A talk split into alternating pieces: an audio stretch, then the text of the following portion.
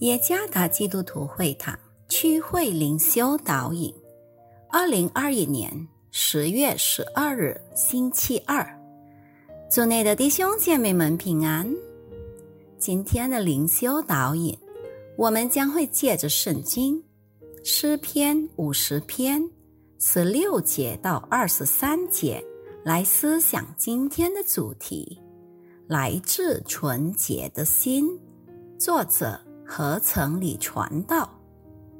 诗篇五十篇十六节。但神对恶人说：“你怎敢传说我的律例，口中提到我的约呢？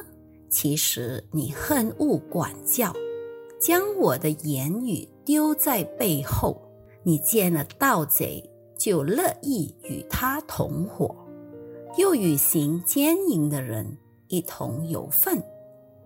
你口认说恶言，你舌编造诡诈，你坐着毁谤你的兄弟，残毁你亲母的儿子。你行了这些事，我还闭口不言。你想我恰和你一样？其实我要责备你，将这些事摆在你眼前。你们忘记神的，要思想这事，免得我把你们撕碎，无人搭救。凡以感谢献上为祭的，便是荣耀我；那按正路而行的，我便使他得着我的救恩。托马斯·沃森 （Thomas Watson）。一位清教徒，上帝的仆人曾写过：“伪君子不会心甘情愿的顺服上帝，也会与他们自己的欲望自相矛盾。该隐带来的祭物，却没佩戴他的心。”沃森画的要点是：那些虚伪敬拜的人。其实从未把心交托于上帝，而是为了满足自己的私欲，把心留下给自己。世人亚莎在这段经文里，向虚伪的恶人表达了上帝严厉的管教。他们的心并没有专注于上帝，他们从外表看上去。好像那些传说上帝律例和真理的虔诚人，甚至口中还经常提到上帝的约。参看第十六节。其实他们的心却不愿意接纳、顺服上帝的管教和言语。参看第十七节。他们虚伪的心，也能从他们更乐意选择。跟犯罪者同伙，例如盗贼和行奸淫的人，参看第十八节。不仅如此，他们还习惯于说恶言，如诅咒、侮辱、辱骂、诽谤等等。参看第十九节上与二十节。他们的舌头也满是诡诈。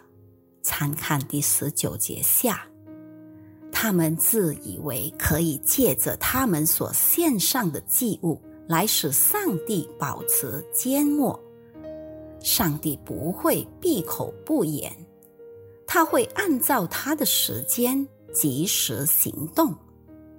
上帝将会责备他们。参看第二十一节。然而，上帝也向他们启示了悔改的恩赐，使他们不受到他的刑罚。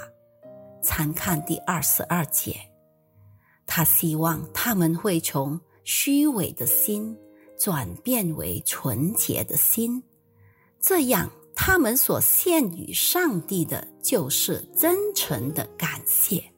参看第二十三节。我们在基督里得到的救恩，与我们内心的改变是成正比例的。上帝在基督里使我们成为他的儿女。这就是为什么当我们在他面前仍旧虚伪的时候，他会毫不犹豫、严厉的管教我们。